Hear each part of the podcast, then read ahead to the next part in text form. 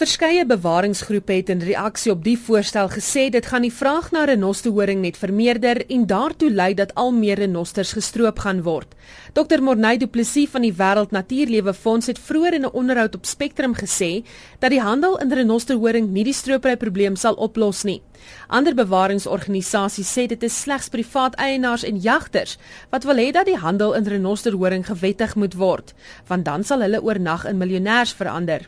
Die uitvoerende hoof van die Suid-Afrikaanse Jagters en Bewaringsvereniging, Dr Herman Els, het in reaksie daarop gesê dat die opheffing in jag en handel in verskeie skaars spesies nie gehelp het om stropery stop te sit nie.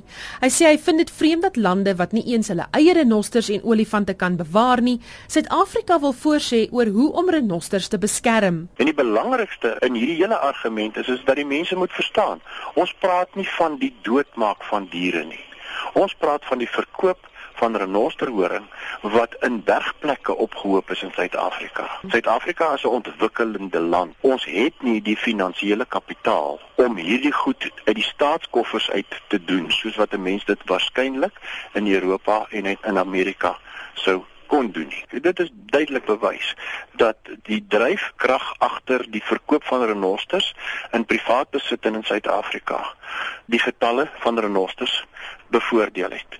Dit het ook die habitat waarin renosters aangehou word vergroot. Hoe werk die prosesse? Kan ons nog vra dat die handel in renosterhoring gewettig word? Na die beste van my wete, as Suid-Afrika sou wou 'n saak gemaak het oor handel, dan sou ons dit reeds in Oktober verlede jaar ordentlik moes gemotiveer het met die verkoop van ivoor wat CITES ons destyds uh, toegelaat om ivoor te verkoop, het hulle gesê Suid-Afrika kan nou nie weer aansoek doen vir handel in argumentsondalwe ivoor voor 2016 nie. En dit sou renosterhoring ingesluit het nie. Bygevolg is ons nog nie by die handel by CITES nie.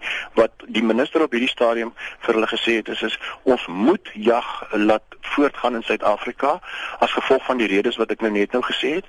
En as gevolg van die groot bydrae wat die die jag en die wildbedryf in Suid-Afrika maak tot groter bewaring. Is CITES nie 'n hond sonder tande in een opsig en in 'n ander opsig weet as die mense wat hulle neus in sake indruk wat hulle niks van weet nie. Ja, ek sou graag wou sê die die laaste een. Dit lyk vir my eerder asof die linkse jonges as daar so 'n term is, die linkse groen groeperinge uh baie groot inspraak het in CITES. En dit was een van ons besware, is die feit dat CITES wat eintlik bestaan uit state uit Met ander woorde die natuur benoem dit die natuurbewaringsafdelings van state.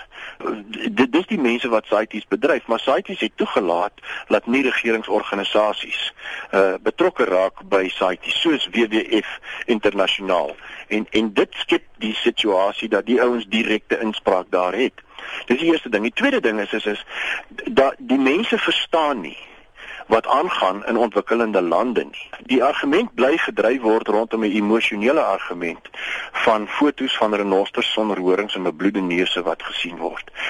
Maar die mense verstaan nie wat gebeur op die grond nie. Hulle verstaan nie dat ons in Suid-Afrika 42% werkloosheid syfer het nie. Hulle verstaan nie dat dit vir 'n stroper absoluut die moeite werd is om 'n stel horings in die in in die nasionale kreerwildtuin te gaan steel want hy kan dit vir tussen 200 en 250 000 rand verkoop. Sien die ouens voorspel dat daar uh, meer as 700 amper meer as 800 renosters gestroop gaan word hierdie jaar as eens nog nie. Wat dink nee, jy? Konservatief. Nee, hulle is absoluut konservatief. Ons gaan na 1000 toe.